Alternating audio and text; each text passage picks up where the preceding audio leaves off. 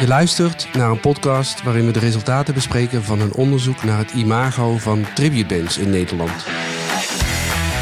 Uitgevoerd door Doortje Schaart en mede mogelijk gemaakt door kenniscentrum Creating 010 van Hogeschool Rotterdam en het project Poplife van Erasmus Universiteit. Want hoe zit het eigenlijk met dat imago van de tributebands? En wordt het niet eens tijd dat we er anders naar gaan kijken?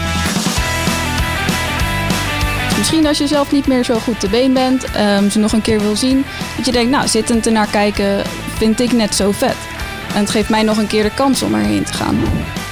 Ik vind ook muziek en boeken en alles wat een beetje schuurt en wat mij vragen stelt, vind ik interessanter dan iets wat een verwachting invult. Ik ben erg van overtuigd dat dit een ontwikkeling is die wij over ja, tien jaar, voor zover we het nu niet al normaal vinden, over tien jaar echt normaal vinden.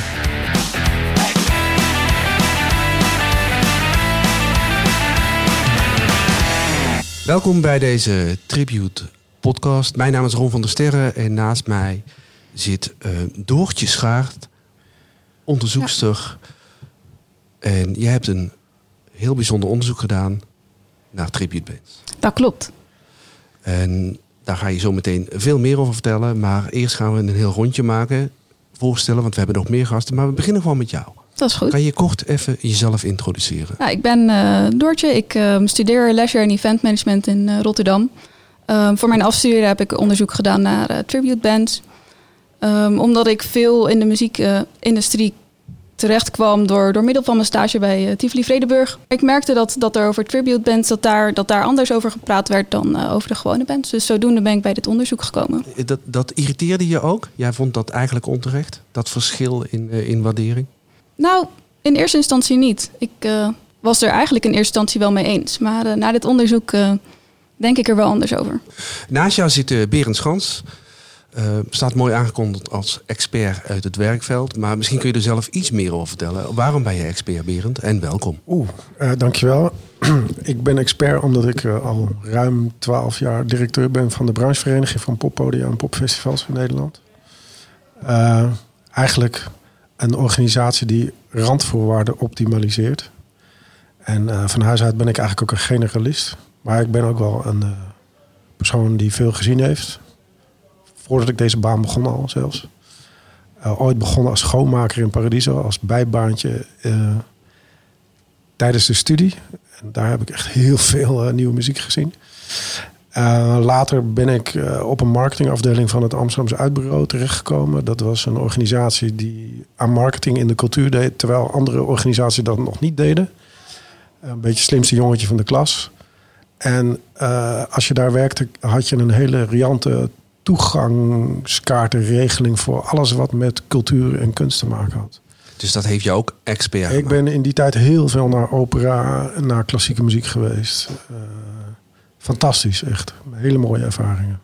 En tot slot verwelkomen we Martijn Mulder, onderzoeker van Pop Life. Goedemiddag. Kan jij jouw rol uh, in, in dit hele verhaal, in het onderzoek van Doortje, enigszins toelichten?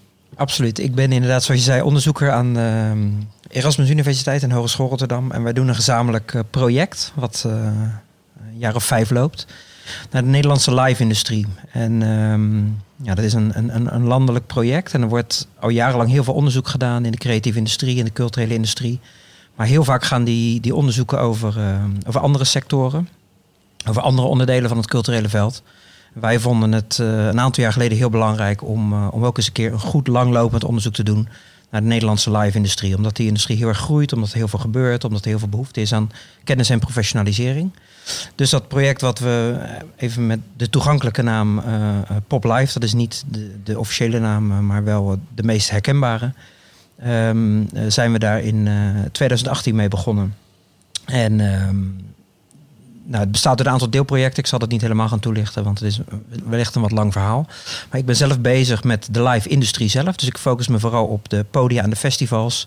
Uh, en op met name ook het publiek, hoe publiek live beleeft, waarom mensen bezoeken wat ze bezoeken. Uh, en alles wat daarmee samenhangt.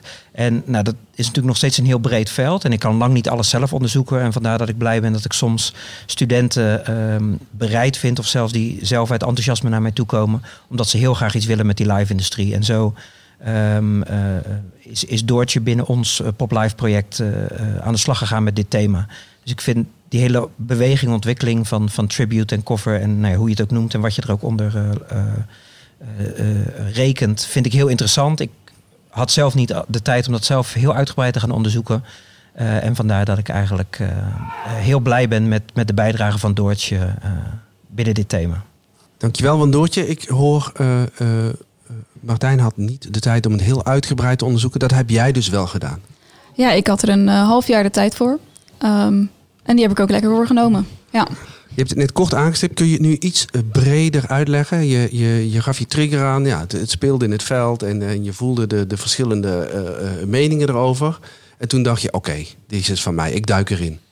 Ja, zeker. Um, nou ja, zo, je hoort vaak dat binnen de, de poppodia zelf um, het geluid over tribute bands niet zo heel erg positief is. Ze boeken liever um, originele acts die ook wat creatiever zijn, door de mensen zelf gemaakt. En uh, tribute bands worden vaak als, als neppen beschouwd. En toch merk je dat de bezoekers, de, de mensen die, die erheen gaan, eigenlijk heel graag willen zien dat, um, dat vaak de tributeconcerten uitverkocht zijn. Um, en dat, dat die ook steeds in grotere, op grotere uh, podia gaan spelen voor, voor meer mensen. Dus ik vond het een heel interessant verschil. En uh, ik was heel erg benieuwd waarom poppodia daar nog niet op inspelen. Voordat we erin duiken, denk ik dat het goed is dat we helder hebben... wat is een tribute act eigenlijk? Want wanneer is iets wel of niet een tribute? Berend, jij stipte net al aan, uh, klassieke muziek. Dat zijn natuurlijk de grootste tribute bands ter wereld. Dus ik, ik ben wel eigenlijk op zoek naar een goede definitie. Die kun je vastgeven, Doortje. Een goede definitie is um, ook heel moeilijk om te geven. Maar ik, uh, ik ben uh, binnen mijn onderzoek ook wel een, uh, een goed eind gekomen. Um, een tribute act is eigenlijk een band die, die niet zijn eigen muziek speelt. En tribute gaat er vooral om dat um, de band die het speelt zich volledig zich inleeft in, een, in één andere band. Eén band zijn muziek eigen maken en die uh, spelen en opdragen. Zo, zoals met coverbands heb je ook veel verschillende vorm, veel verschillende artiesten die gecoverd worden. Je um, kan daarmee een, een medley band kan je het noemen, die dus echt verschillende nummers van verschillende artiesten spelen. Um, en je hebt ook nog een soort van mashup band die, die zelf van verschillende nummers hun eigen nummers maken. Um, ik heb me echt gefocust dus op de bands die volledig zich focussen op één andere band. Doe je daar daarmee eigenlijk niet al wat, wat, wat je in de popwereld ook al tegenkomt, dat je eigenlijk een soort onderscheid wil maken tussen wat wel goed is en wat niet goed is. Ik hoor jou nu zeggen, tribute bands, die leven zich in in, in één band en, en die reïncarneren als de band waar wij allemaal van houden. En coverbands, die, ja, die spelen een half uurtje funk en uh, als, als je metal wil, kan dat ook. En, en, en dat is dus niet goed. Maar tribute bands, Nee, daar ben ik het... Is, is eh, boven de lijn, hoor ik je dat zeggen? Nee, daar ben ik het niet mee eens. Um, ik zou het eigenlijk bijna als een soort van verschillende genres aangeven. Dat het... Um, je hebt ook binnen de, de cover of de, de medley bands um, ook ontzettend goede bands die, die net zo goed een plek verdienen. Um, dus ik zou niet zeggen dat tribute goed is en cover niet. Wat hier door elkaar heen gaat is smaak en kwaliteit. Ja. Kwaliteit is iets dat je bijna kan meten. Dat is de mate waarin iets voldoet aan verwachtingen. En dat speelt een belangrijke rol, denk ik, in tribute bands of bij tribute bands. En smaak is iets wat een bepaalde groep definieert als zijnde wat goed is of niet goed is. En waarom denk jij dat je in de popsector toch een soort van aversie ziet tegen die opkomst van tribute bands? Mag ik dat zo zeggen? Ja, zeker. Ik denk dat het te maken heeft. Eh, er spelen natuurlijk heel veel dingen een rol. Maar ik denk dat een belangrijke factor hierin is. Dat is het, uh, de belangrijke rol die een programmeur als gatekeeper altijd heeft gehad in de live sector. Zij waren eigenlijk degene die bepaalden wat goed of niet goed was. Dat was nog in de tijd dat. Uh, uh, platenmaatschappijen de ENR deden, dat, dat er talent ontwikkeld werden door labels, et cetera. En uh, sinds de komst van het internet, daar is hij weer, is dat natuurlijk heel enorm gekanteld. Nu is het ook zo dat bands geld verdienen door live op te treden, niet door een geluidsdrager uit te brengen. En dat heeft ook uh, gevolgen gehad voor, en, en, die shift is nog gaande, wat een programmeur eigenlijk is. Vroeger was dat iemand die de krenten uit de pap viste. En nu is dat iemand die bij een zaal of bij een festival werkt en die eigenlijk partijen aan elkaar moet verbinden. Je stipt het al aan, want je, de, de, de, de rol van programmeur als gatekeeper, ja. dat, dat, dat poneer je zo, maar is dat eigenlijk nog wel zo? Nou, dat wou ik dus eigenlijk schetsen, dat dat aan het afkalven is of aan het verdwijnen of aan het shiften, in ieder geval anders ingevuld wordt.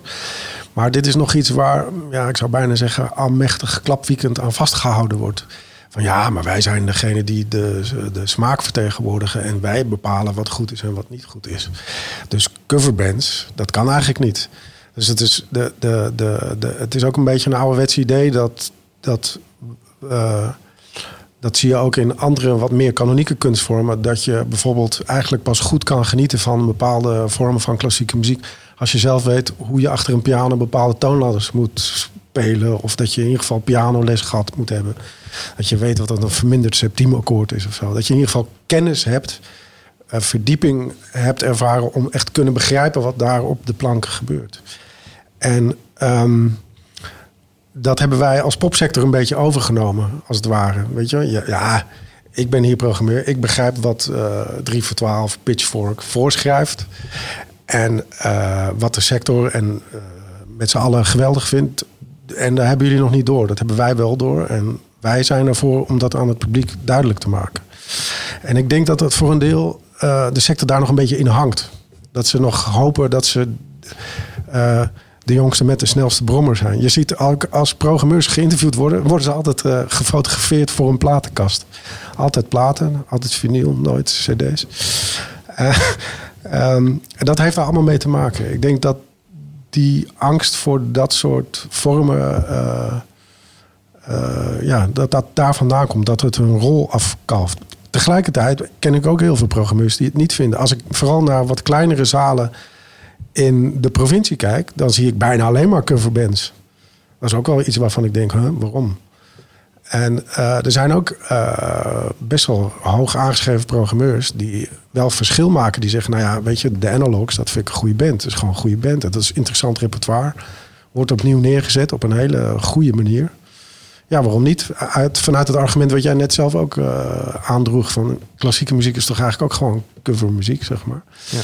En, uh, maar ja, het ligt heel nauw, want uh, uh, Dread Zeppelin, ik noem maar even wat, dat wordt dan weer heel vervelend gevonden door anderen. En dus er is altijd wel discussie over. En er is een Pearl Jam tribute band, terwijl Pearl Jam zelf nog optreedt. Weet je, dat soort zaken. Dat speelt, dat vinden mensen allemaal dat heel Dat is bijna een, een prijs-kwaliteit verhouding. Zie, heb je dat ook teruggezien in het onderzoek? Dat, dat, wat je nu aanstipt vind ik heel bijzonder. Ja. Pearl Jam is er nog. Maar ja, dat kan je natuurlijk nooit boeken in uh, Astrand en Ede. Is veel te duur. Maar de Pearl Jam coverband, ja, die kan je wel weer boeken. En die is ook best wel goed. Ja, precies. Nee, dat zie je heel veel terug. En wat er ook bij komt, is dat um, het publiek vindt het ook niet altijd meer fijn om naar die stadionconcerten uh, te gaan. Muziekkwaliteit die neemt er wat vanaf. Je komt niet meer zo dicht bij de artiest. Ja, hoeveel is het dan waard om daar echt heen te gaan? Want je betaalt ook nog eens vaak, uh, vaak flink voor dat soort concerten. Dus de tribute bands nemen daarin ook toe in waar um, ze dus kunnen spelen in kleinere um, zalen waar mensen dichterbij kunnen komen en wel dezelfde soort beleving kunnen hebben. Het is, het, het is bijna een prijsvechter zo. Ja, misschien wel. Het wordt heel commercieel ook op deze manier. Is het dan niet heel erg geslaagd, Berend, als je dat, als je dat professioneel kijkt? Zeg maar, de transformatie van een sector in een soort van professionele industrie. En die gewoon uh, een markt bedient. En als de markt dan zegt: wij willen dit, het is niet te betalen, oké, dan hebben we optie B, de tribute band. Het is een mooi systeem, toch? Het werkt prima. Ja, ik, ik denk ook vanuit een soort professionele uh, mening, denk ik dat je, uh, ik geloof dat zelfs Paradiso wel tribute bands neerzet. Dat je, de, de popcultuur is een heel, popmuziek, popcultuur is nog breder, popmuziek is een heel breed een hele brede cultuurvorm. En dit hoort er gewoon bij. Dus als jij eh, het je taak acht om dat aan het publiek te tonen. Ja, dan waarom, waarom zou je dat dan niet laten zien? Nou, en ik denk ook dat, je, dat er een, een, een heel belangrijk punt aangestipt wordt. En als we kijken naar popmuziek, hè, wat dat dan ook is. Ehm, maar je zou het dus niet echt een onderscheid. Maar je zou het kunnen hebben als popmuziek als, als kunstvorm en popmuziek als, als entertainment of als, als hele uh, commerciële industrie. En, ehm, en, en die, die tweedeling, dat is natuurlijk vaak waar de discussie ook over gaat. En een deel van de industrie, zeker de, de, zeg maar de mensen die al heel lang in, in die popsector werken, op het moment dat het echt nog als een soort tegenbeweging, uh, jeugdcultuur uh, ooit ontstaan en groot geworden is, die heel erg nog denken vanuit uh, dat idee van, van, van een hele specifieke kunstvorm, om het zo maar te zeggen. Uh, met, met bepaalde regels, ongeschreven regels en mores die daarin heel erg belangrijk zijn. En het gaat heel erg over inderdaad artistieke kwaliteit en, en noem maar op. Terwijl je aan de andere kant ziet, de afgelopen twintig jaar, dat het eigenlijk gewoon een, een wereldwijd een enorme commerciële industrie is geworden. En dat zeg ik niet alsof het een vies woord is, maar meer een constatering van het, dat het is gewoon een, een enorme industrie. En we zien dat terug in de cijfers. Kijk maar naar, naar, naar Live Nation en noem alle partijen maar. Um, en met als gevolg, ook met, met alle uh, poppodia die gebouwd zijn en de hele commerciële infrastructuur daaromheen. Uh, Berend weet er ongetwijfeld meer, meer vanaf dan ik. Maar wat wij in de onderzoeken ook zien, is dat, je, dat die poppodia zelf ook zeggen van... Ja, wij, wij zijn gewoon een bedrijf en wij moeten gewoon... Um, onze business moet draaien. En dat is de laatste jaren steeds vaker met tribute acts, omdat dat commercieel gezien een heel interessant uh, aanbod is. Um, daarnaast zie je natuurlijk ook bij de consument uh, dat dat steeds meer verandert. De hele, het hele imago en de perceptie van, van tribute en of dat dan wel of niet leuk of interessant is. Maar ik denk dat echt een belangrijke rol ook speelt. Dat, dat die industrie gewoon veranderd is. En, en, en dat dit nu een belangrijk onderdeel is van, van het businessmodel van de podia. Je, je, je stipt nu heel erg zeg maar, het, commerciële aspect van, van tribute bands aan. Hè? Dat, dat, er is vraag, dus, dus uh, u vraagt, wij draaien. Ik kan me een tijd herinneren dat, uh, dat we dat in de popsector ook meemaakten. En dat, dat we uh, echte bands hadden. En de danceavonden waarmee de portemonnee werd gevuld. En, en, en toen was er ook zo'n tweedeling. En nu, hoeveel jaar verder zijn we? Het, het, al, al heel wat jaartjes draait het. En nu zijn we op het moment toch echt wel, hebben we al, kijken we al terug naar de artistieke waarden en de artistieke resultaten die de dance de afgelopen twintig jaar heeft voortgebracht. Gaan we over twintig jaar ook zo'n gesprek hebben over de artistieke resultaten geproduceerd door tribute en coverbands? Berend? Ik denk niet in de mate waarin uh, elektronische dansmuziek of elektronische Waarom popmuziek. Um, Concertgebouworkest doet het ook. Het heeft ja, een paar ja, jaar nodig. Ik snap het, maar um, dansmuziek die was, of die dance, die elektronische muziek, was echt gewoon een compleet nieuw genre. Waarvan in het begin gedacht werd, dit duurt drie jaar en dan is het over. Maar dat is als een soort, uh, je hebt zo'n Arabisch sprookje over die graankorrels uh, op een schaakbord. Dat is echt explosief gegroeid. En, er zijn, en daarom uh, gaan de, de, de dansnachten bij de poppodia ook niet zo goed. Omdat dat is zo ontzettend uitgewaaid in allerlei verschillende substromingen. Uh, doelgroepen, et cetera. En die hebben allemaal hun eigen events. Het is heel ingewikkeld om, om dat publiek aan je te binden, om die loyaal te krijgen aan jouw concept. Dan moet je echt een heel goed concept neerzetten, wil je daar publiek op trekken. Maar dat is zo uh, ver doorontwikkeld en het heeft zoveel interessante, innovatieve mixvormen veroorzaakt. En dat is allemaal uh, Waarom zou dat niet nog een keer kunnen? Want eigenlijk alles wat je nu nou, aanstipt je, is nu gaande. Nu zeggen we ook tribute bands. Dat kan natuurlijk ook explosief niet, groeien en doorontwikkelen naar iets waar wij nu nog geen zicht op hebben. Ik denk ook wel dat het gaat gebeuren, maar niet in die mate, zei ik. Um, en, en, ik heb niet de waarheid in pacht, dat is wat ik denk. Dus uh, misschien moet ik over drie, vier jaar wel zeggen, nou, daar had ik geen gelijk in. Uh, maar wat met tribute bands gebeurt, is dat ze iets wat al bestaat recyclen of een andere jasje geven. Of, uh, dus gewoon bijna logisch denkend zou ik dan denken, uh, dat gaat niet zo'n impact hebben als bijvoorbeeld de dancemuziek. Ja, ik zie Doortje, ik ben benieuwd of jij vanuit je onderzoek, sorry Martijn, daar iets op kan zeggen. Nou, je ziet ook wel, um, wat misschien bij de dance ook wel was, um, dat je inderdaad dat. Um, dat, dat het publiek hier altijd een beetje op voorloopt. Het publiek vraagt er eigenlijk naar en poppodia bewegen mee. Ehm, dat was toen zo en ehm, dat zie je nu ook eigenlijk een beetje terug bij de tribute bands. Het publiek vraagt er naar, die, die komen echt naar de concerten. En ehm, het is nu de tijd, naar mijn idee, dat poppodia daarin mee gaan bewegen. Ja, het- Ja, mag ik- Martijn? Ja. Ja, nou, het, is precies volgens mij wat je zegt. Want ik, wat mij betreft, ehm, het feit dat we nu die, die opkomst van, van Tribute zien, is geen toeval. Hè? Dat is niet dat er, dat er een, een leegte was en dat gedacht werd, oh, dat gaan we daarmee vullen. Ik denk dat het juist heel goed te verklaren is waarom dat nu ontstaat. Eh, en, en eigenlijk zou je misschien kunnen zeggen dat de popmuziek nu in de fase is waarin het misschien gek gezegd, maar de nieuwe klassieke muziek aan het worden is. Waarom? Ik denk dat de generatie, wat is het, 60ers, 70ers, denk ik al.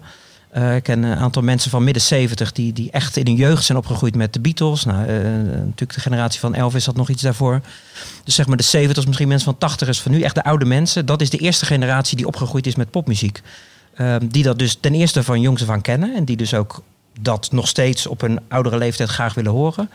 Eh, die muziek van hun jeugd. Maar ook, dat betreft nou, in dit geval bijna altijd acts die niet meer bestaan. Mensen die overleden zijn of in ieder geval niet meer in de originele vorm bij elkaar zijn. Ehm, dus je ziet heel duidelijk dat, dat dit ook, doordat de, de oudere generatie, zeg maar de babyboomers, met die muzie- muziek opgegroeid zijn. Maar doordat het ook een generatie is die tegenwoordig naar de podia gaan. En misschien soms eh, liever in een, in een theater eh, zittend naar zo'n act kijken. Maar ook gewoon naar de podia gaan in, eh, in, in de, de verschillende dorpen en steden. En die die muziek willen zien. En die groei zit dus volgens mij heel erg daarin. Maar aan de andere kant, en eh, dat bleek ook uit het onderzoek van Doortje, wat ik heel interessant vind, is dat naast die babyboomers, ook onder de jongeren en volgens mij zelfs de jongste generaties, eh, eh, daar heel veel interesse voor is. Omdat die zeggen van ja, wij horen de muziek van onze ouders. Die bands kunnen wij niet meer zien. Maar ja, wij willen dat ook nog een keer beleven. Oh, En- echt? Ik wil Jimi Hendrix horen en zien. Maar dat kan niet. Dat idee. Ja, ja, dat, nou ja, goed. hè, de- Nirvana. Ja, Ja. Veel gehoord. En, en ik, kijk, als je ook gaat kijken naar de consument, ik moet voorzichtig zijn misschien om daar uitspraak over te doen, maar ik heb het idee, zeker bij jongere generaties, dat, ehm, ja, dat, dat authenticiteit voor, voor eh, steeds minder belangrijk wordt of zo. Of dat steeds minder mensen daar echt heel veel waarde aan hechten. Ik heb het idee dat vroeger, als we over een aantal tientallen jaren geleden hebben, dat ja, als iets authentiek was, was het goed of had het kwaliteit. Ehm, en, en dat dat nu veel minder belangrijk is. Dus eh, volgens mij ook iets heel belangrijks wat uit het onderzoek komt, is dat heel veel mensen ook zeggen van ja, het maakt me eigenlijk niet zo heel veel uit of het authentiek of het echt is. Of dat het gewoon andere mensen zijn die het supergoed, misschien in sommige gevallen zelfs nog wel beter dan de artiesten, de, de, de echte artiesten op, op dit moment doen. Omdat ze eh, ouder zijn geworden of eh, misschien niet meer in de complete bezetting zijn. Ehm, dus het gaat vooral om die kwaliteit van die tribute band die zo goed is. En ja, dan maakt het me eigenlijk niet zo heel veel uit of het de echte leden zijn of dat het andere mensen zijn die die muziek spelen. Dat, dat kwam eh, ja zeker. heel duidelijk uit je onderzoek. Ja, in ieder geval vanuit het geluid van de bezoekers. Ehm, en een bijna een tegenovergestelde geluid vanuit, vanuit de poppodia zelf. Die juist zeggen van ja, maar het is niet authentiek genoeg om, om te programmeren in mijn poppodium. Dus daarin merk je heel erg dat ze eigenlijk daarin heel erg eh, ja, lijnrecht tegenover elkaar staan. Is ik, denk ook, ik denk ook dat dat... eh, eh, kijk, po- poppodia krijgen... eh, werden vroeger eigenlijk gedoogd. Ehm, eh, vanuit de gedachte, de jeugd moet van de straat gehouden worden. Dat, dat klinkt een beetje als een grap, maar het is echt waar. Je kunt daar beleidsteksten op nalezen. En eh, als er dan wat subsidie naar een poppodium ging, werd dat vanuit welzijn gedaan. En eh, onder andere de VNPF heeft er echt jarenlang voor gelobbyd om dat, om dat onder eh, de cultuurparaplu te schuiven. Wij vinden namelijk dat popmuziek een cultuurvorm is, een podiumkunst. Dat is redelijk goed gelukt. En nu zie je dat poppodia in uh, heel Nederland uh, weliswaar mondjesmaat, maar wel uh, exploitatiesubsidie krijgen voor het exporteren van een poppodium. En vanuit dat subsidie wordt wel verwacht dat je, en zo is, dat is wat ik in het begin ook een beetje zei, er wordt verwacht uit, vanuit een soort bijna 19e, 18e eeuws beeldingsideaal dat je iets oorspronkelijks doet. Dat je artistiek innovatief programma neerzet. Want dat is de basis waarop cultuur in Nederland ondersteund wordt. En, dat, en dat is wat je ziet. En ik denk dat uh, het DNA van de mensen die daarin werken, daarin meegegroeid is. En dat die denken, ja nee, maar wij moeten wel uh, onze opdracht, onze missie vervullen. En dat is namelijk alles wat nieuw en, eh, en interessant en hot is, dat moeten we vooral laten zien. En daar is, dat, daar is die houding uit voortgekomen, denk ik. Ben je Ja. wel eens naar een tributeconcert geweest, Peren? Ja. En dan heb ik het niet over het concertgebouw. Nee, ik heb wel eens. eh, ook niet over eh Mothers of Invention. Nee, nee, nee. Oh, eh, eh, ja, nee. Ik heb, ik heb ook wel eens in een blauwe maanden, of, of hoe zeg je dat, in een donkerbruin verleden bij een poppodium gewerkt. En daar stonden die dingen ook geprogrammeerd. Dus ik ging Die dingen. Dit, dit geeft al aan wat je ervan vindt. Die programma's die werden daar neergezet en daar ging ik wel eens kijken. Ja. En kon je daarvan genieten? Ik vind het zelf als persoon heel lastig. Ik snap heel goed eh, dat een, een eh, wa- waar we het eerder over hadden, dat je als, als podiumorganisatie of als festival dat neerzet. Het hoort erbij. Eh, het kan heel erg goed zijn. Het kan allerlei behoeften eh, vervullen. Maar ik persoonlijk vind het niet zo interessant. Maar dat is een heel Dat partic- doet er eigenlijk niet toe. Nee, dat doet er niet. Het is een particuliere houding. Ik vind, altijd, ik vind ook muziek en boeken en alles wat een beetje schuurt en wat mij vragen stelt, vind ik interessanter dan iets wat een verwachting invult. Dus eigenlijk is, is een tributeband, dat is boeiend, want dat schuurt enorm. Ja, op die manier. Maar dat is toch altijd de vraag. Kijk, je, de, de, de leidende generatie, die bereikt een moment dat de mensen die jonger zijn zeggen... Ja, maar wij vinden iets anders. En dan zegt, zegt de oudere generatie... Oh nee, Ja, nee, nee. nee. En wat dat is, dat maakt natuurlijk niet uit. Als het maar niet is wat de oudere generatie wil. Nee, dat klopt. Dat is, daar heb je iets. Daar heb je een punt. Ik ben natuurlijk gewoon ook onderdeel van een generatie. Is dat niet, en misschien vat ik jouw eh, uitgebreide onderzoek nog wel heel, heel flauw en, en simpel samen. Is dat niet gewoon de kern van eh, deze discussie? Een generatie? Conflict? Ehm, zou het kunnen zijn. Maar? Ehm, nou, ik denk dat daar wel meer nuances in, in zit. Dat het niet alleen de generatie is. Ehm, het, het is eh, er zijn ook genoeg mensen van, van die generatie die, die het wel heel tof vinden. Die, Die juist naar Fleetwood Mac tributeband in de Schouwburg gaan. Ja, precies. Misschien als je zelf niet meer zo goed te been bent, ehm, ze nog een keer wil zien, dat je denkt, nou, zittend ernaar kijken vind ik net zo vet. Ehm, en het geeft mij nog een keer de kans om erheen te gaan. Maar ik, heb, wel- ik heb wel altijd een beetje dat... eh, kijk, er is, er is ook nog zoveel, heel veel andere muziek... Zeker waar. eh, waar eigenlijk veel te weinig aandacht aan besteed wordt. Eh, Dat is altijd het geval. Ja. En, en, eh, en als er dan een coverband... Het is nooit een Fela Kuti eh, coverband. Alhoewel die er volgens mij ook is. Maar goed, daar worden dan tributeavonden voor georganiseerd. Met eh, Jungle by Night of zo. Maar eh, je- dat vind ik er altijd lastig aan. Het is meer van hetzelfde vaak. Maar je gebruikt nu, en dat, dat, dat herken ik zo uit mijn journalistentijd. Je gebruikt nu een argument dat je voor alle dingen die je wel mooi vindt, nooit zou gebruiken. Terwijl je datzelfde argument daar ook voor kan gebruiken. Ja, je hebt gelijk. Mag je even over nadenken, Martijn? Wat wilde je zeggen? nee, op basis van waar het net over ging. Ik denk, we moeten echt oppassen volgens mij dat we niet, eh, de, de, als we het over tribute hebben, dat we daar puur een soort babyboomer stempel op, op plakken. Dat, dat geloof ik dus echt niet. En nogmaals, dat wordt volgens mij door het onderzoek ook wel ondersteund. En dat vind ik me nog interessant. Kijk, dat, dat die babyboomers massaal inderdaad op zaterdagavond eh, in het theater naar, eh, nou ja, noem inderdaad de Beatles of Pink Floyd tribute bands gaan.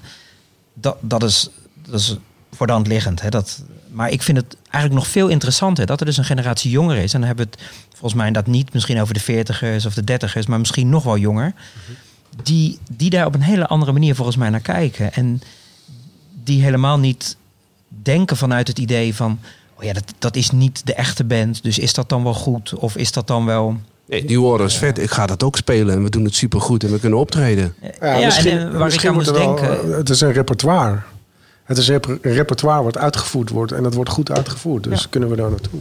Ja, en, Ja. en het is ook gewoon, we, we, we leven ook wat dat betreft in een soort entertainment samenleving. En ja, eh, op het moment dat, dat we ergens op aanslaan en we vinden het leuk. En eh, of dat nou, weet ik veel, de, de- die populariteit van de silent disco's bij de festivals is. Of nou, zo kan je honderd dingen noemen. Maar er is iets wat gewoon werkt. En ik moest net ineens denken, want jij stelde de vraag aan Berend over, ga je wel eens naar Tribute? En toen ging ik daar natuurlijk zelf ook over nadenken. Het was afgelopen eh, januari, net als heel de industrie in Groningen. En dan, dan ga je natuurlijk van, van podium naar podium om de nieuwste eh, acts te ontdekken. En om even op adem te komen, belanden wij op een gegeven moment tijdens een van die avonden in een kroeg waar helemaal geen officieel Eurosonic-programma was. Maar daar stond een, een, een, een gewoon een, een, waarschijnlijk een studentenbandje of zo, een uh, Nirvana coverband. Hè? Gewoon Nederlandse jongens. En die stonden daar, uh, al die, al die Nirvana-knallers. Nou, ik ben uh, natuurlijk uh, enorm van de Nirvana-generatie. dus, je vond het gewoon echt super gaaf. Ja, wij wilden daar één biertje doen en we het zijn daar... 23. ja, het werden er 23. en we bleven gillen om, om nog meer, nog meer, nog een nummer, nog een toegift. omdat ik, ik dacht ineens van zo, ik ben gewoon weer even terug in 1993. Uh, en dan betrap je er zelf toch wel op van, ja, dat is toch wel even lekker af en toe uh, tussendoor. Maar dan, dan heb, um... ik denk het wel, Berend. Ja. Ik denk, ik, ik denk wel dat dit hetzelfde is als wat Dance heel veel jaar geleden was. En ik denk echt dat dit uitgroeit naar iets waar wij nu nog geen zicht op hebben. Ja, dat geloof ik echt. Zou heel goed kunnen, zou heel goed kunnen. Wat wil je maar, zeggen? Nou, ik denk dat de, de uh, en ik weet niet of jij dat ook onderzocht hebt, dat de motivatie waarom mensen naar bepaalde uh, concerten of shows gaan, of die ook meegenomen is. Um, nou, vooral waarom ze naar tribute acts gaan, waarvan ja. um, de wel het meest voornaamste is inderdaad, ik ga naar een tribute act omdat de originele band niet meer bestaat, niet meer speelt. Um, en daarnaast ook, zijn ook nog wel veel voorkomende redenen dat de, de originele band gewoon bijna niet speelt. Zoals Ram, Ramstein bijvoorbeeld. Ja. Die gewoon bijna niet speelt. Maar ik vind het wel heel vet om die muziek een keer live te zien. Dus dan ga ik naar een uh, tribute band ervan. Of um, dat de band niet in je, in, bij jou in de buurt speelt. Dat zijn wel de voornaamste redenen dat mensen nu naar een tribute concert gaan. Dat is wel interessant, want mijn beeld daarvan is... ik heb dat dus niet onderzocht... en mijn beeld daarvan is, is dat mensen een avondje uit willen... en uh, daar goede muziek bij willen horen... Dat zijn meestal wat oudere mensen, vaak wat kapitaalkrachtigere mensen. Dus die kopen een kaartje, die willen zeker zijn. Die kopen een kaartje van tevoren. Niet de avond zelf, wat de jeugd tegenwoordig, de jeugd dus aanhalingstekens tegenwoordig doet. Uh, dus dat is, dat is anders dan ik verwacht had, eerlijk gezegd. Dat is wel interessant. Dus ik, het zou heel goed kunnen dat we daar over een aantal jaren heel anders naar kijken. Of precies hetzelfde naar kijken zoals we in het begin naar de dance keken. Doortje, hou jij inmiddels van tribute bands? Ben je om? Ja, ik denk het wel. Um, en vooral, ik vind het zo leuk um, daaraan. En wat eigenlijk denk ik voor iedereen heel erg meespeelt, is dat uh, het speelt zo in op nostalgie. Je, je wordt weer even teruggehaald naar, naar dat ene moment wanneer je dat nummer voor het eerst gehoord hebt. En nou ja, dat is dan vaak voor mensen in de puberteit of zo, wanneer je voor het eerst alleen op vakantie ging of iets. Het doet je daaraan denken. En ik uh, merk dat vooral bij tribute bands um, daar. Uh, dat dat gevoel heel erg in terugkomt. Dat je daar vooral die, die, die nostalgische gevoelens weer van krijgt. Ik heb ook gehoord van, van podia die ik gesproken heb voor mijn onderzoek. Die soms letterlijk zeiden van ja, we hebben voorbeelden gehad waarin we uh, in ons podium zowel de act, de originele act hebben geboekt. Weliswaar niet meer in originele bezetting. Die zijn wat ouder, er zijn er een paar uh, uit de band of overleden of wat dan ook. En we hebben ook op een later moment of op een eerder moment de tribute band gehad. Ja, en drie keer raden wat de meeste kaarten verkocht. Hè? Ja. Uh, dat was niet de originele act wat, wat daar nog van over was. Uh, en ik heb dat zeker bij, bij twee podia wel uh, teruggehoord. Ja, dat zegt natuurlijk ook iets. Kijk, en, ja. en, en volgens mij had Berend het eerder in het gesprek over, over, over kwaliteit. Hè? Van, ja, over, over, over het, voldoen aan verwachtingen. Wat verwacht je bij, bij in dit geval een act en welke mate voldoet het daaraan? Um, op het moment dat je een, een, een act hebt die uh, al heel lang bestaat en waar je heel veel uh, goede herinneringen aan hebt vanuit je jeugd, maar die niet meer die kwaliteit kunnen leveren, omdat ze misschien niet meer in de originele bezetting zijn, of omdat ze nou ja, wat stemmen niet meer optimaal zijn, ik noem maar wat. Ja, dan, dan kan zo'n originele act dus heeft meer moeite om aan die verwachtingen te voldoen. Terwijl je daar vaak ook nog eens best wel een behoorlijk uh, uh, bedrag voor betaalt om, om daar een ticket voor te kopen. En als je dan dat vergelijkt met zo'n tribute act waar je wellicht minder voor betaalt en wat je misschien meer in het, eerder in het theater om de hoek kan zien. En waarbij je misschien aanvankelijk, weet ik niet of dat zo is, maar ik kan me voorstellen dat mensen daar misschien met wat minder verwachtingen naartoe gaan. Van nou, we moeten eerst maar eens kijken of ze het niveau van de echte band kunnen halen. En op het moment dat dat dan gebeurt, want laten we ook niet vergeten, want dat hoor ik ook vaak genoeg, dat er ook heel veel matig tribute aanbod is. Uh, maar de, de echt goede acts, ja, dat mensen dan vaak toch eerder denken van hé, hey, ik heb hier nu een tientje voor betaald, maar dit was eigenlijk echt wel heel goed. En dit heeft me toch meegenomen naar die herinneringen van mijn jeugd, waar ik eigenlijk zo'n behoefte aan had. Je hebt nu wel de hele tijd, dat vind ik toch bijzonder. Het gaat de hele tijd over herinnering. Is dat, dat is toch eigenlijk wel onlosmakelijk verbonden met tribute, toch? Ja, met je hebt muziek. geen tribute band van een band die nu, weet ik veel, een of andere K-pop band en dan de tribute K-pop band. Ik denk dat het wel een heel belangrijk onderdeel is van een tribute band. Ehm, en ook juist een kracht van een tribute band. En je hebt ook zo'n beweging dat artiesten een bepaald album uit een oeuvre opeens integraal uit gaan voeren live. Deus, ik ben er gewoon naartoe gegaan. Ja. Terwijl ik, ik ben best wel een Deus-fan, maar ik vond het echt saai. Vond je het saai? Ja. En ik vond die dansers ook best wel geforceerd. Maar dat, dat, Nou, dan maar- hebben we het echt over persoonlijk. En nu hebben we het volgens mij over de essentie, want ik vond het echt geweldig. En volgens mij is, gaat het dan goed als er mensen zijn, oh wauw. En andere mensen zijn die zeggen, "Oh, dit is echt helemaal niks. En volgens mij gebeurt dat ook bij tribute bands. Nou, er zit een hele hoge mate van voorspelbaarheid in. Wat ik gewoon zelf persoonlijk niet zo interessant vond. En vroeger, de- toen deze niet heel groot was, maar groot aan het worden was, heb ik een aantal van die shows gezien waar echt dingen gebeurden waarvan ik dacht. nou, Als ik daar hard over nadenk, kan ik daar kippenvel van krijgen, zeg maar. Maar jij, Dat is ook nog jij en ik zitten allebei, wij komen uit de industrie. En misschien is, is de groep mensen die zeg maar, die, die, wil, die verrast wil worden. Die dus, ik, heb, ik heb ook genoten van Deus-shows die best wel vaak niet goed waren. Ja, ze namen enorm veel risico. Maar, maar als je kijkt naar de popindustrie, die steeds meer een industrie is geworden en steeds meer mensen eh, amuseert, dan, dan, dan, dan zijn wij daar niet eh, Nee, klopt. Klopt. representatief voor. Nee, zeker niet. Zeker niet. Maar daar speelt nog steeds wel mee dat. ehm, kijk, je moet het. Of je moet, je moet natuurlijk niks, maar het past in een, in een programma mix, zeg maar. Eh, in een ideale programmeringsstrategie staan daar verschillende dingen. Dingen die nu zijn, die hot zijn. Dingen, eh coverbands of, of, of tribute bands of tribute avonden. Voor ieder wat wil, zeg maar. Dat is vaak ook de opdracht die zo'n organisatie zichzelf stelt. En daar ook financiering voor krijgt. Eh, laat je dat los, dan zet je je bestaansrecht ook een beetje op losse schroeven. Dat is nu eenmaal de manier waarop in Nederland zeg maar, cultuurbeleid is ingericht. Dus eigenlijk dat, dat gemor wat jij in de popsector hebt eh, gevoeld, Doortje, dat doet er eigenlijk niet toe. Want, want de fabriek eh, moet draaien en, en hij zal ook draaien. En als dat met tribute bands is, dan is dat zo. Is dat de conclusie? Nou, ik denk dat het nog steeds ook heel belangrijk is om ook ehm, de originele artiesten ook echt een plek te geven. Die mogen net zo goed op, in poppodia staan. Ehm, Oh, dat mag wat- wel nog. Natuurlijk, natuurlijk. Daar, daar, Ja, zonder, discussie, zonder? Onderling ook. Is echt- Ho- hoezo? Welke discussie? Sorry dat ik even... Wat jij. Ja, de, de, eh, ik zal even geen namen noemen, maar er zijn eh, colle- collega's die echt ja, een beetje schimpscheutend doen richting hun andere collega's. Pff, doe je dat? Waarom doe je dat? Dat is toch de dood met hoofdletters? Maar dat is toch... Dat, is, En, eh, dat, dat, dat geloof ik. Maar dat is toch eigenlijk al een achtergoede gevecht? En met als gevolg dat eh, bijvoorbeeld sommige podia daarover na zijn gaan denken. En ja, we doen het nog wel, maar alleen als ze iets doen ermee. Dus ze moeten er een twist als het een aan- moeten er speciaal een twist moment is of geven. Of ja. er moet een eigen invulling van het repertoire zijn. En niet alleen maar het naspelen van. Heeft het... nou stip je wat interessant. Kunnen poppodia dan een rol spelen in, in, in, in de vorming van dit fenomeen? Door, door dit soort Ja, dat doen ze eh, al. opgelegde voorwaarden? Dat doen ze al, want als die podia er niet zouden zijn, zouden er, zouden er, dat is ook een interessante eh, onderzoeksvraag of subvraag misschien. Als er geen plekken zouden zijn waar ze live dat zouden kunnen eh, presenteren, dan vraag ik me af of die bands er nog zijn. Spelen die echt alleen maar voor de lol in de oefenruimte, waar er heel veel bands van zijn, of willen ze optreden? Willen ze het laten zien? Maar dat geldt toch ook voor die bands waarvan jij en ik zeg... ja, maar die, die moeten geboekt worden.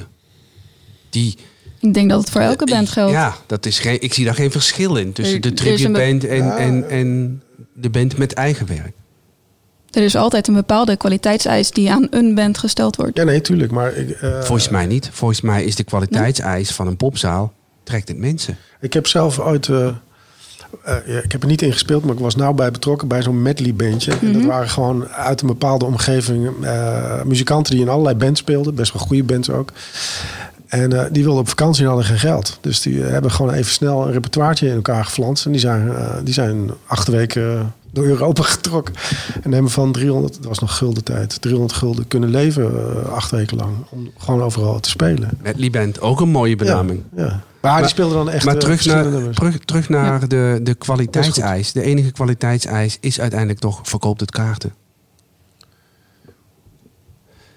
En als je dat vaak genoeg doet, heb je ruimte om af en toe een show te boeken die dan geen kaarten verkoopt, maar die vanuit mijn eigen artistieke beleving als programmeur belangrijk is voor de regio, et cetera. Wauw, dat vind ik wel een enge. Want uh, als je, ik denk, laten we een toon of, of een toonaangevende zaal als Paradiso bijvoorbeeld nemen.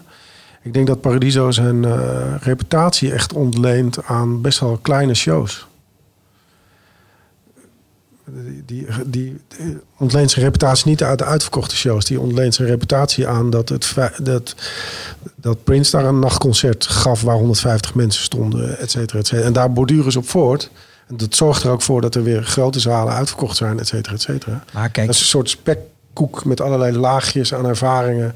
Maar één, je pakt daar meteen eh, het kroonjuweel uh, uit de sector. En twee, met de reputatie kunnen ze de begroting niet rondkrijgen, toch?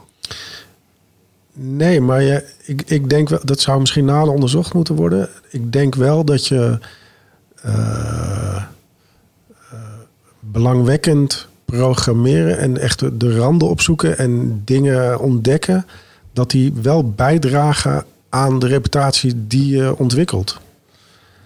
En als je stelt dat je alleen maar uh, goede tribute band zou programmeren, uh, dan denk ik niet dat je een dergelijke reputatie zou uh, ontwikkelen.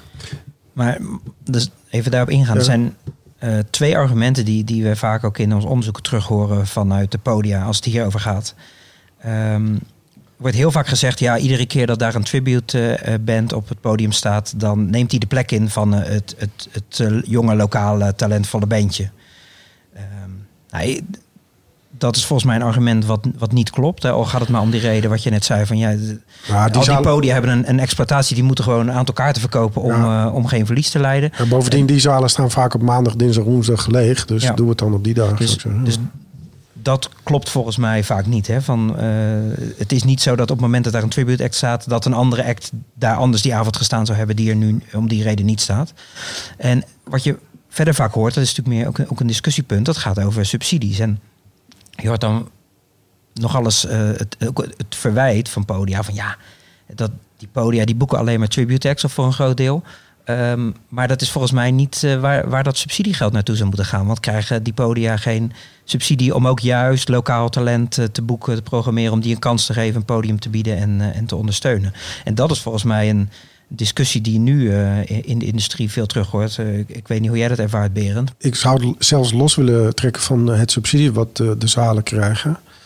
Ik denk dat iedere zaal zichzelf af moet vragen: wat is mijn rol in mijn omgeving? En dat zou kunnen zijn. Ik wil gewoon zoveel mogelijk entertainment laten zien. Maar ik denk dat dat niet.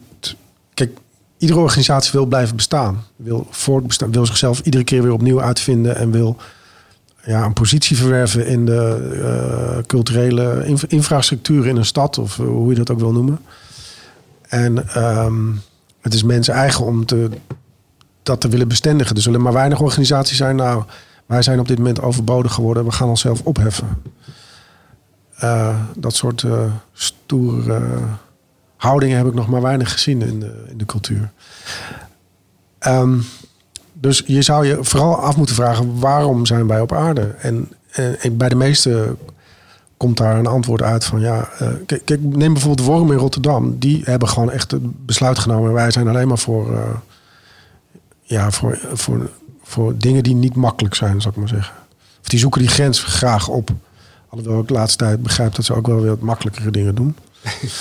Dat is niet zo makkelijk hoor, om nee, te nee, doen. Nee, dan krijg je je personeel tegen. Um,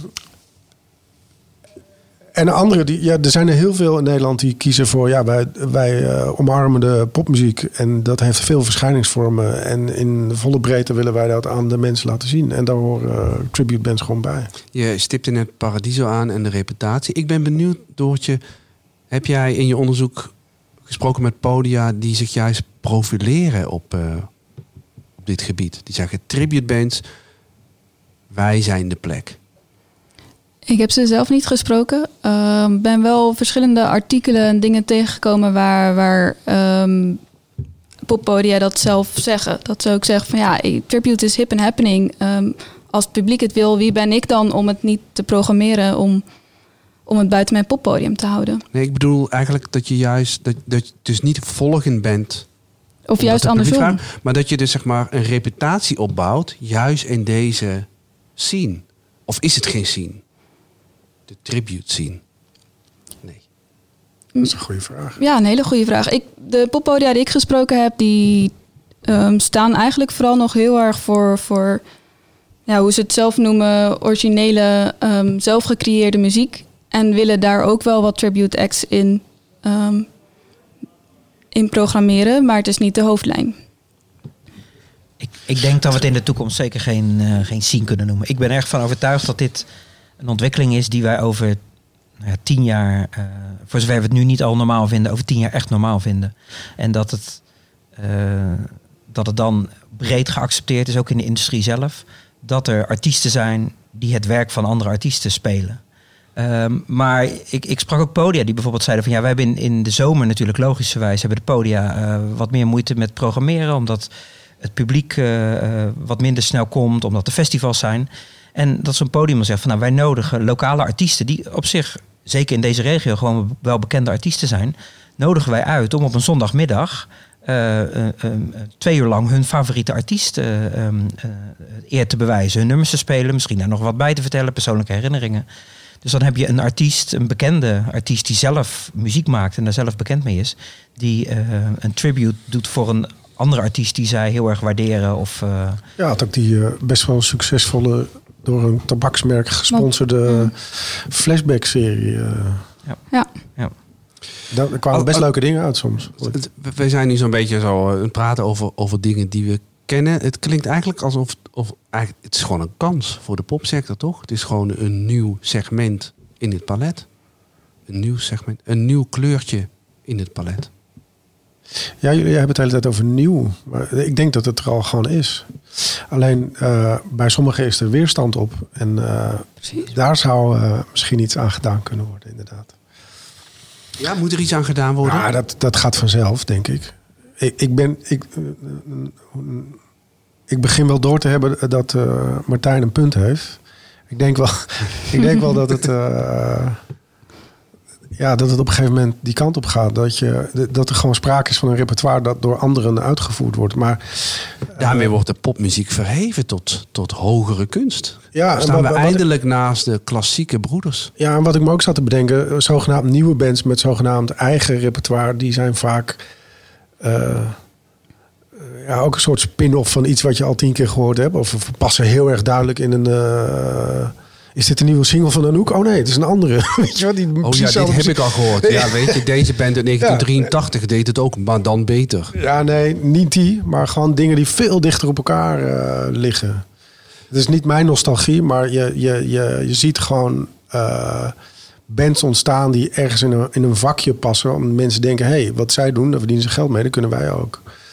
En dan kun je beter een, een, een goede tribute band hebben die een interessant repertoire te gehoren brengt dan zoiets, denk ik. Is een, is een nagespeelde Coldplay, Coldplay feel in een reclame, is dat ook een tribute? Of is dat een rip-off?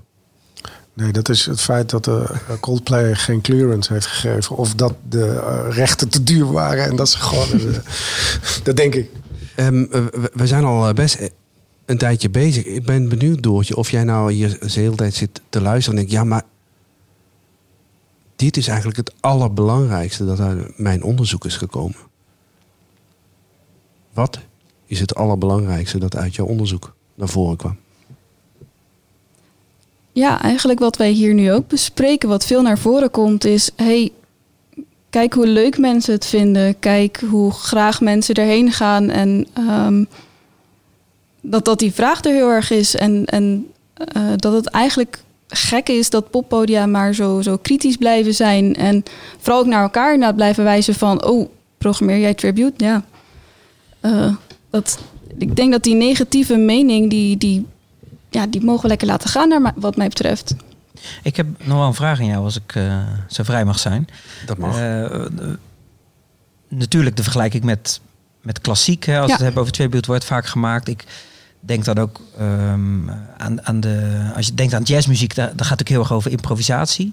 Uh, dus ik ben wel benieuwd, want je hebt natuurlijk ook wel uh, gewoon consumenten gesproken. Mensen mm -hmm. die, die naar live muziek gaan, die naar, wel of niet naar tribute acts gaan. Heel vaak gaat het erover dat zo'n act zo goed mogelijk um, de, de echte act kopieert. Hè. Ik hoor dat ook van podiumdirecteuren die zeggen... ik sta soms vol verbazing tijdens een tribute act mijn zaal aan te kijken naar het publiek... en dan staan de echte puristen. En die precies op iedere klank luisteren van... spelen ze dit goed? Geven ze er vooral niet hun eigen interpretatie aan? Terwijl als ik dan denk aan de jazz... waar juist hè, de, de eigen interpretatie, de improvisatie... eigenlijk de kracht van heel het genre is. Hoe, hoe denkt de consument gemiddeld daarover? Willen ze juist heel erg puristisch het perfect naspelen van de act? Of mag zo'n tribute act ook best wel zelf gaan improviseren. Heb, heb jij daar iets over gevonden? Ja, zeker. En ik vond dat zelf eigenlijk wel heel erg verrassend. Want ik zou zelf ook zo'n purist zijn die, die staat te luisteren. Maar um, ik heb een enquête gehouden onder, um, onder gewoon lekker breed uh, Nederland in. En daar kwam eigenlijk uit dat mensen het liefst luisteren naar een tribute act... die, die op hun eigen manier de muziek speelt van de originele band. Oké, okay, dat is ja, ik vind dat dan toch wel verrassend. Omdat ik ja, ik heb wel heel erg het beeld van het, het is echt de act naspelen. Ja, naspelen klinkt zo suf, maar gewoon zo goed mogelijk ja. het doen. Omdat als we het dan hebben over die nostalgie, ja, wanneer ga je uh, terug naar die herinneringen, bijvoorbeeld van je jeugd? Dat is toch vooral als zo'n act het zo goed, zo letterlijk mogelijk naspeelt. Maar blijkbaar zijn er dus mensen die daar anders over denken. En zijn dat dan vooral die jongeren of heb je daar geen onderscheid in gemaakt? Daar, daar heb je dus geen onderscheid in. Nee. Maar dus mensen zeggen, ja, ik wil dus wel die tribute act zien, maar dan moeten ze het wel op hun eigen manier doen.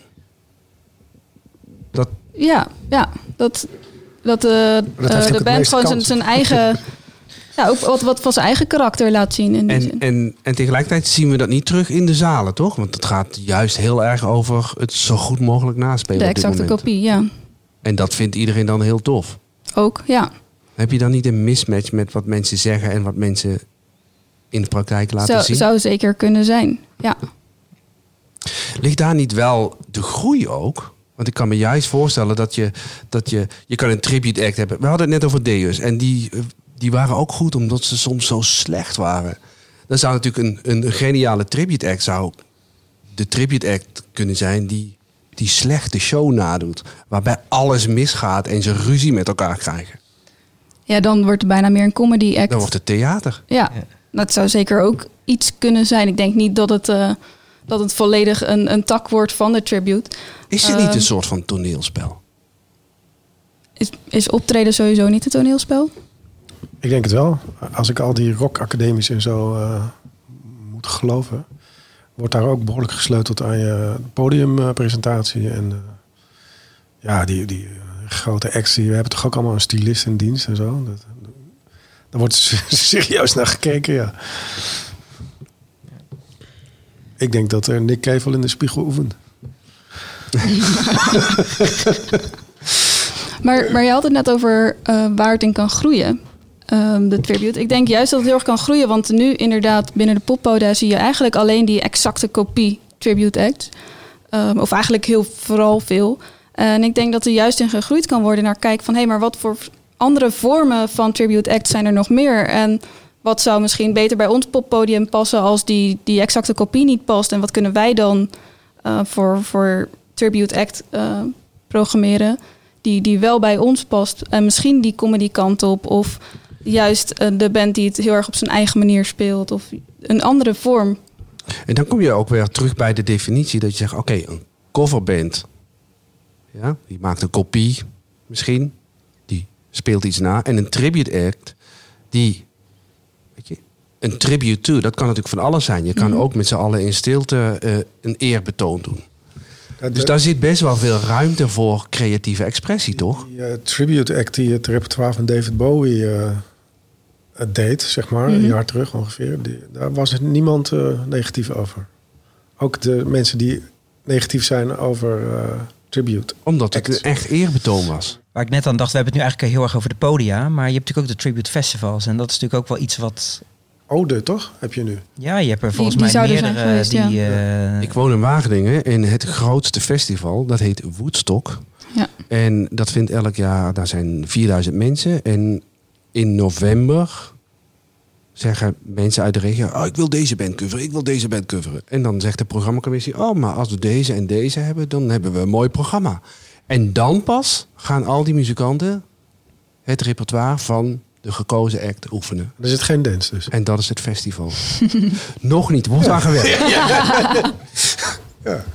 Nee, maar dus ik, eh, volgens mij zit daar ook een kan, of kans, ik weet niet of dat het goede woord is, maar eh, j- jij zei het ook al Doortje, van het gaat uiteindelijk ook, het gaat heel erg om nostalgie, het gaat volgens mij ook om, om het vertellen van een verhaal, van, eh, van wat om zo'n act heen hangt. En ik denk dat daar ook nog wel wat toekomst zit voor, voor podia of festivals, door misschien niet alleen in een losse act te denken, van oké, we hebben de, de tribute band van, van deze act of van deze band, maar meer kijken van, ja, wat, kunnen we daar nog iets omheen doen, wat heel erg bijdraagt aan het gevoel van nostalgie van de bezoekers. Of Nou, ik ben, ik ben benieuwd. We, we hebben het nu over. We, kijken, we proberen naar de toekomst te kijken. Mhm. Weet je, wat, wa- waar liggen de kansen? Liggen er kansen? Hoe zien die eruit? Kunnen we daar iets over zeggen? En als je wil kijken naar wat er over twee jaar hier gebeurt, helpt het soms om te kijken naar wat er nu in Engeland of in Amerika of weet ik waar. Ja, ik denk dat dat ook te maken heeft met. eh nou, dan ga ik weer. Met eh, de, de, de manier waarop het clubcircuit eh, ondersteund wordt. In Engeland is dat gewoon puur een private aangelegenheid.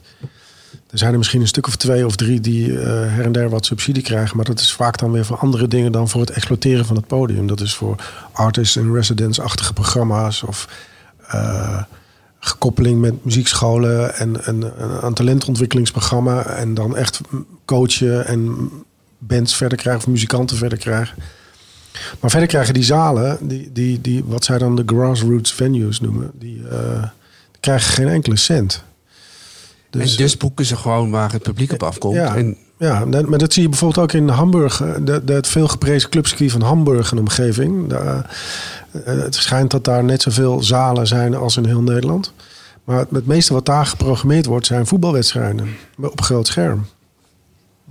En ook coverbands. En ze nu dan ook gewoon eh, bands die nu rondtoeren. Maar daar houden ze de broek mee op. even naar het hier en nu. Toch. Ehm, met een blik op de toekomst. De popzalen zijn dicht. Ja. Ehm, eh, corona regeert. Ehm, als, als we straks weer wakker worden, is er een scenario mogelijk waarin, omdat grotere bands nog niet en masse gaan toeren, de tributebands het lokale publiek gaan eh, verblijden als we weer open gaan? Of koppel ik nu twee dingen aan elkaar waar jullie van denken, ja, waar gaat dit nou heen? Nou, ik, ik, ik Mag je gewoon zeggen, hoor. Kijk, ik, ik denk wel eh, dat, eh, dat het lokaal beginnen wordt. Dus ik heb al eerder gedacht van nou, misschien dat dit wel, hè, als we dan kansen moeten denken, eh, wel echt kansen biedt voor, voor lokale, eh, wat kleinere acts. Omdat mensen op, op het moment dat het weer kan, Heel graag mensen, willen. Mensen willen, eh, dat hoor ik overal om me heen.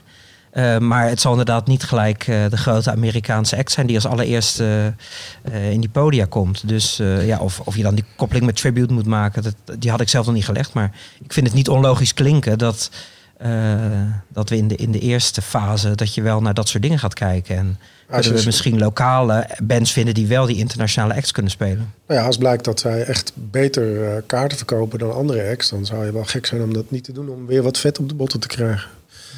Ik kan me dat voorstellen, maar ja, het is nu nog zo dat eh, eigenlijk alleen de grote zalen zeg maar plussen op een ticketing. De middenzalen die halen eh, zeg maar 80% van hun kosten op met ticketing en de kleine zalen eh, is dat nog minder. En in totaal is dat ongeveer één op één. Dus alles wat aan de deur verkocht wordt aan tickets, dat dat, dat dekt de kosten voor het inkopen van het programma. Daarom moet er ook altijd een beetje geld bij van de gemeente om het personeel te kunnen betalen, de zaal te kunnen betalen. En ehm, ja, ik zie dat niet opgelost met alleen maar, eh, met, eh, met alleen maar coverbands, denk ik.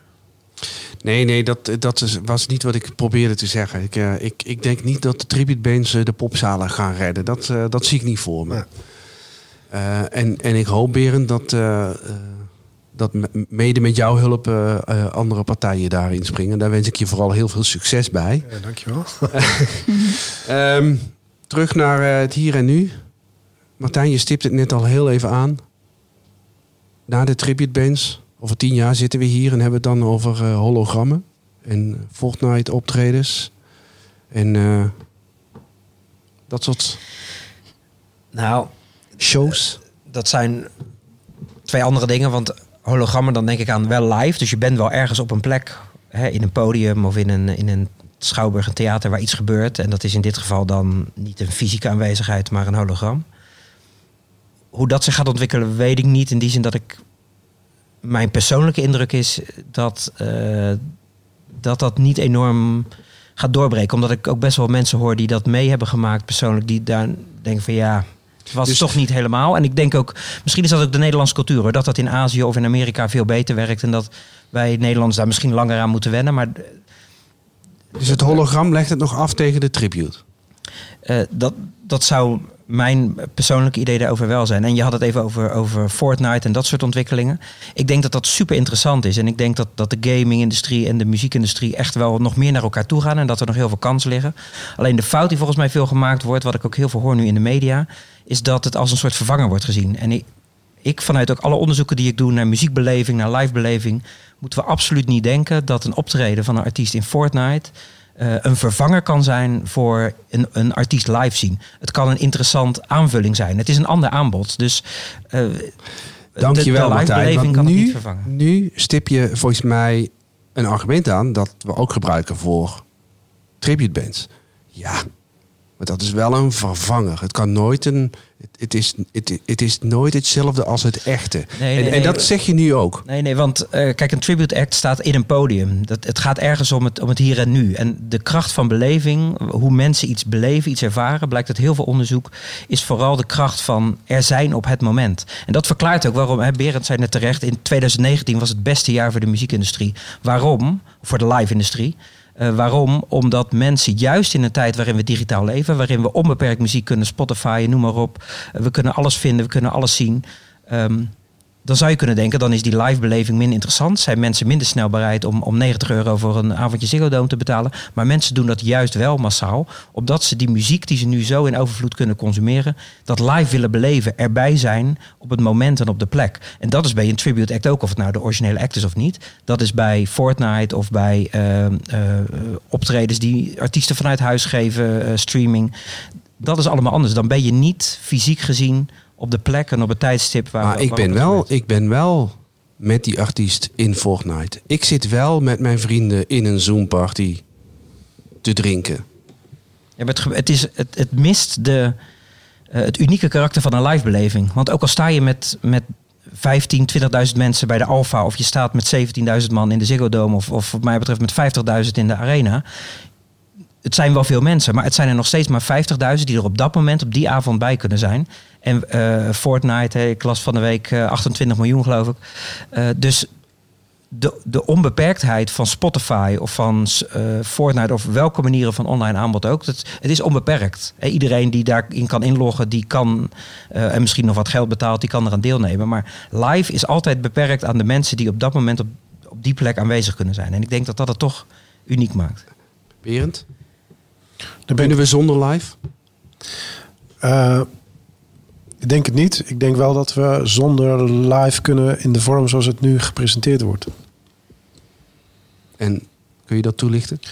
Eh, ik denk dat eh, het muziekcafé op de hoek weer terugkomt. Dat hoop ik stiekem een beetje. Kijk, we gaan een soort. De, de, de- als ik de krant moet geloven, het staat in de krant, dus het is waar.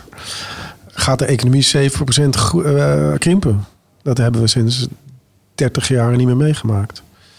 Dus ik denk dat er wel een soort. eh, ik maak me een beetje zorgen over mijn kinderen, dat zijn tieners.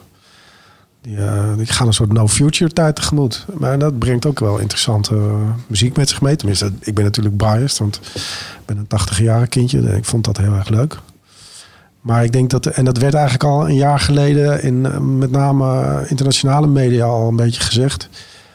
Dat die megafestivals eh hun top wel bereikt hebben. En dat dat een beetje aan het afnemen is. Eh, dat heb ik nog niet gezien gebeuren trouwens, maar eh, dat wordt wel gezien.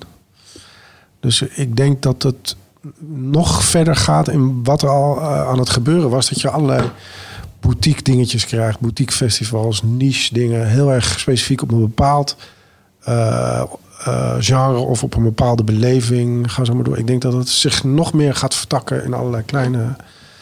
eh, ja, vraaggestuurde eh, dingen. Mensen willen iets, wat jij ook zegt. Mensen vragen om tribute. Mensen vragen ook om kamperen. Mensen vragen ook om een natuurgebied. Of mensen gaan straks misschien vragen om iets dat ergens in de zee drijft. Weet ik veel. Ik denk dat daar, de, de- dat daar vooral naar gekeken wordt. En dat mensen wel heel erg behoefte hebben om gezamenlijk iets... en dat, dat is misschien een reptiele brein of eh, iets dierlijks... eh, om gezamenlijk iets in een beperkte tijd, in een beperkte ruimte met elkaar mee te maken. En dat kan natuurlijk ook wel digitaal, maar dat, dat mist eh, het fysieke, het, eh, tactiele. Het, eh, dat je elkaar vast kan houden. Ja, straks mag dat, misschien weer. dat merken we nu heel erg, Ja, dat we dat ja. missen. Ja, Dus, Ja. Ik, en, eh, ik, ik weet niet precies wat. Het is een beetje een soort tribaal gedrag haast. Hè? Dat we eens in de zoveel tijd naar de volle maan gaan huilen met z'n allen. En, dat, ik vraag me wel eens af als ik op zo'n festivaltrein sta. What was I thinking? Waarom vind ik dit eigenlijk leuk? Weet je wel? Ehm, maar er is iets in ons wat dat altijd zal blijven doen. Doortje, over acht jaar, als we weer naar Lowlands gaan met z'n allen, Mhm. is er dan een tribute podium? podium? Het zou leuk zijn. Of op zijn minst dat er een paar tribute bands staan. Ik, wil, al, ik wil een eh, voorspelling. Jij zegt dat het leuk zou zijn, maar ik wil, ik wil dat jij nu voorspelt. Ja, dat gaat gebeuren. Of nee, dat gaat niet gebeuren. Of ik weet het niet, dat Nou kan ja, ook. Maar volgens wat, mij wat was denk het je? vorig jaar of twee jaar geleden wa- was er al een tribute. Eh toen waren er verschillende artiesten gevraagd om, om een tribute naar hun favoriete artiest te brengen. En dat was razend populair, was in de Alfa. Ja. Ehm, ik denk dat daar wel toon is gezet. Dus ik denk dat er een grote kans is dat er, dat er meerdere tribute acts zijn op Lowlands over acht jaar. En over acht jaar, als wij weer hier zitten, wat is dan het volgende onderwerp dat wij eh, proberen te duiden voor de dan voor ons liggende toekomst? Ik zou het dan heel leuk vinden om het over, over de live eh, eh, online beleving te hebben. Oké, spreken we dat af. Doen we. Dankjewel.